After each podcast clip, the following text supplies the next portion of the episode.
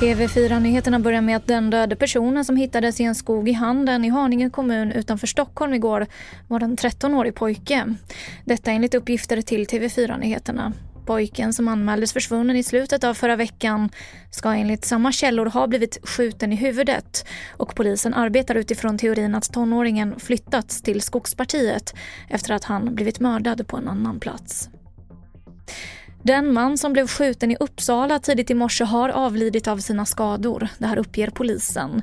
Mannen var i 25-årsåldern och enligt uppgifter till TV4 Nyheterna var måltavlan egentligen en annan person anhörig till gängledaren som kallas Kurdiska räven.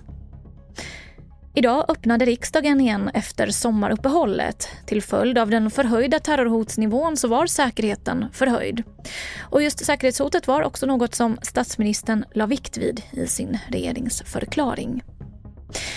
Och så kan vi berätta att nästa år så kommer studiemedlet att höjas med omkring 1100 kronor. Det här meddelar CSN. En heltidsstudent kommer att få ut 13 156 kronor i månaden. Och den här höjningen gäller både bidrags och lånedelen. Även maxgränsen för vad man får tjäna som student kommer att höjas.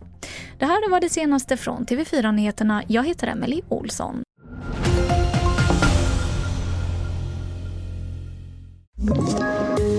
Poddtips från Podplay.